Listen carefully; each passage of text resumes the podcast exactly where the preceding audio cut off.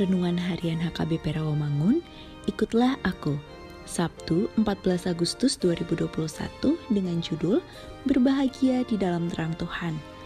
Bacaan kita pada pagi ini tertulis dalam Mazmur 111 ayat 1 sampai 10 dan bacaan kita pada malam ini tertulis dalam Yohanes 4 ayat 7 sampai 26.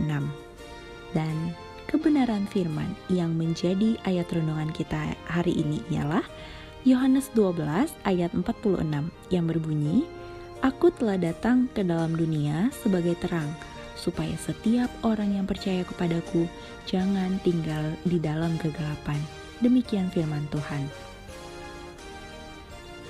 Nats renungan hari ini menegaskan bahwa Yesus Kristus datang ke dunia sebagai terang. Bagaimana kita bisa hidup dalam terang Tuhan? Kita harus membiarkan Tuhan masuk sepenuhnya dalam hidup kita. Dengan terang Tuhan, datanglah harapan dan kebenaran. Dengan terang Tuhan, datanglah bimbingan dan pengajarannya. Dengan terang Tuhan juga, datanglah kehidupan yang dipenuhi dengan kasih dan damai sejahteranya. Terang Yesus menuntun kita kepada keselamatan.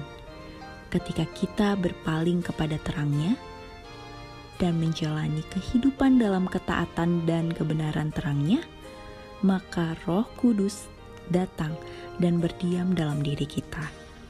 Saat pandemik ini, mungkin ada di antara kita yang mengalami kegelisahan dan ketakutan, seakan-akan hidup kita dalam kegelapan.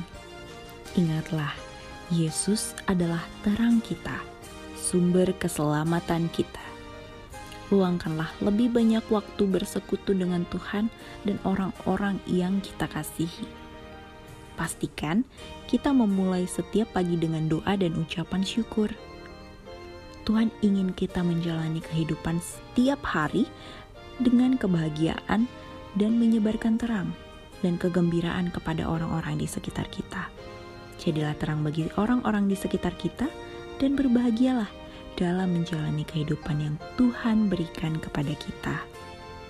Seperti yang tertulis dalam 1 Petrus 4 ayat 13 yang berbunyi, Sebaliknya, bersukacitalah sesuai dengan bagian yang kamu dapat dalam penderitaan Kristus, supaya kamu juga boleh bergembira dan bersukacita pada waktu ia menyatakan kemuliaannya.